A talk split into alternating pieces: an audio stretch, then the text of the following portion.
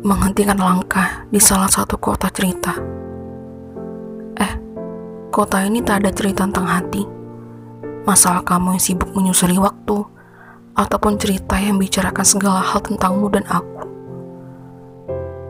Semua tak ada, sama sekali belum pernah ada. Karena keberadaanku di sini bukan berarti hanya ingin kamu yang selalu kubicarakan. Kemarin, aku selalu tak berhenti menyudutkanmu.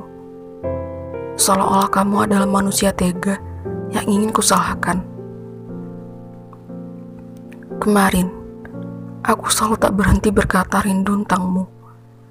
Satu kata yang ingin ku benci, karena setiap kali ku mengatakannya, kenyataannya kau mungkin mengabaikan. Kau tak pernah membalas kesekian kali rindu dariku. Meski rasanya, tak pernah aku bisa memujimu. Meskipun kamu yang membuatku patah, aku tak akan menyesal karena waktu sudah merencanakan cerita. Ini kali kedua aku berpijak di kota penuh dengan kenangan rindu. Kenangan senja yang tak bisa kulupakan sampai kapan pun.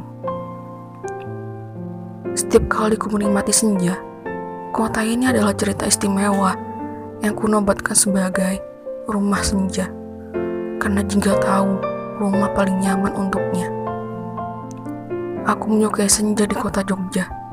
Jangan tanya mengapa. Karena senja yang biasa ku tatap sangat tak sama rasanya. Aku menyukainya dan akan selalu menyukainya.